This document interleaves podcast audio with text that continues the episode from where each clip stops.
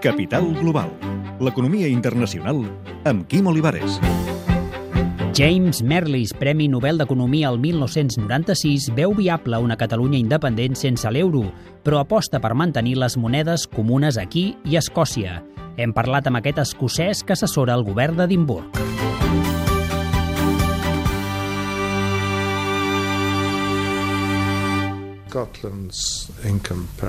L'ingrés per càpita a Escòcia és gairebé exactament el mateix que el de la resta del Regne Unit. Londres és la part rica, seria la part que correspondria a Catalunya. No hi ha cap mena de sensació a Escòcia que d'alguna manera subsidia la resta del país, mentre que això sembla que sí que passa a Catalunya. I és per això que expressa aquest temor.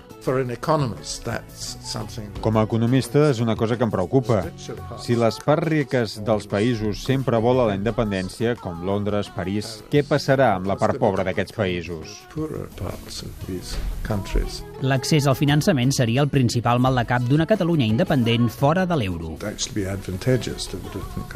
De fet, és avantatjós tenir una moneda diferent, tot i el possible problema que Catalunya tindria si volgués demanar un préstec. Llavors, d'entrada resultaria molt car, però això depèn molt de si la gent pensa que l'economia es conduirà prou bé.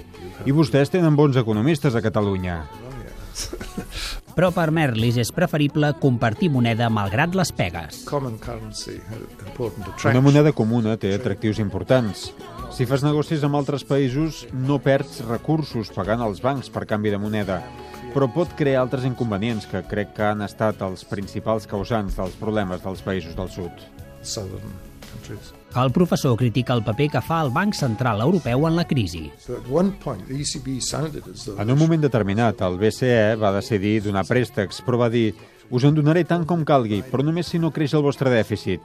Això és com dir, només et donaré un préstec si no el necessites. Aquesta no és una bona norma pels amics. Deixa clar que la crisi ha multiplicat la desigualtat arreu.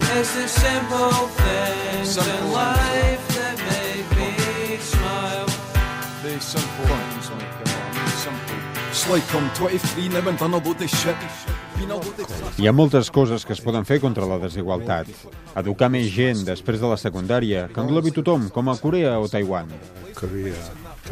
L'enorme atur ha fet créixer la desigualtat. Aquest és el resum dels plantejaments polítics sobre l'origen de la desocupació.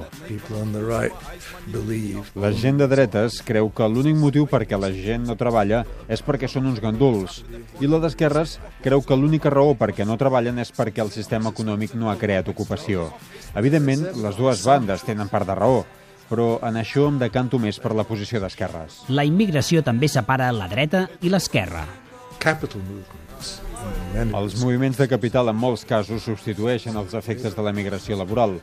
No provoquen els mateixos problemes socials en els països europeus, que estan molt preocupats per l'augment dels partits d'extrema dreta. Per Merlis, la immigració és un element cultural, social i econòmic clau per la prosperitat. Precisament Escòcia vol la independència per no dependre de Londres en aquest camp. Un dels avantatges que tindria una Escòcia independent és que podria adoptar polítiques diferents de les britàniques, que cada vegada són més restrictives. Escòcia perd població. Un exemple n'és el mateix professor Merlis. Ara visc a Hong Kong. La meva dona acaba passant més temps a Anglaterra. Una de les meves filles també viu a Anglaterra, l'altra a Austràlia. El meu germà és ara un ciutadà canadenc que viu a Toronto. Em sembla que és la típica família escocesa. This seems to me a typical Scottish family.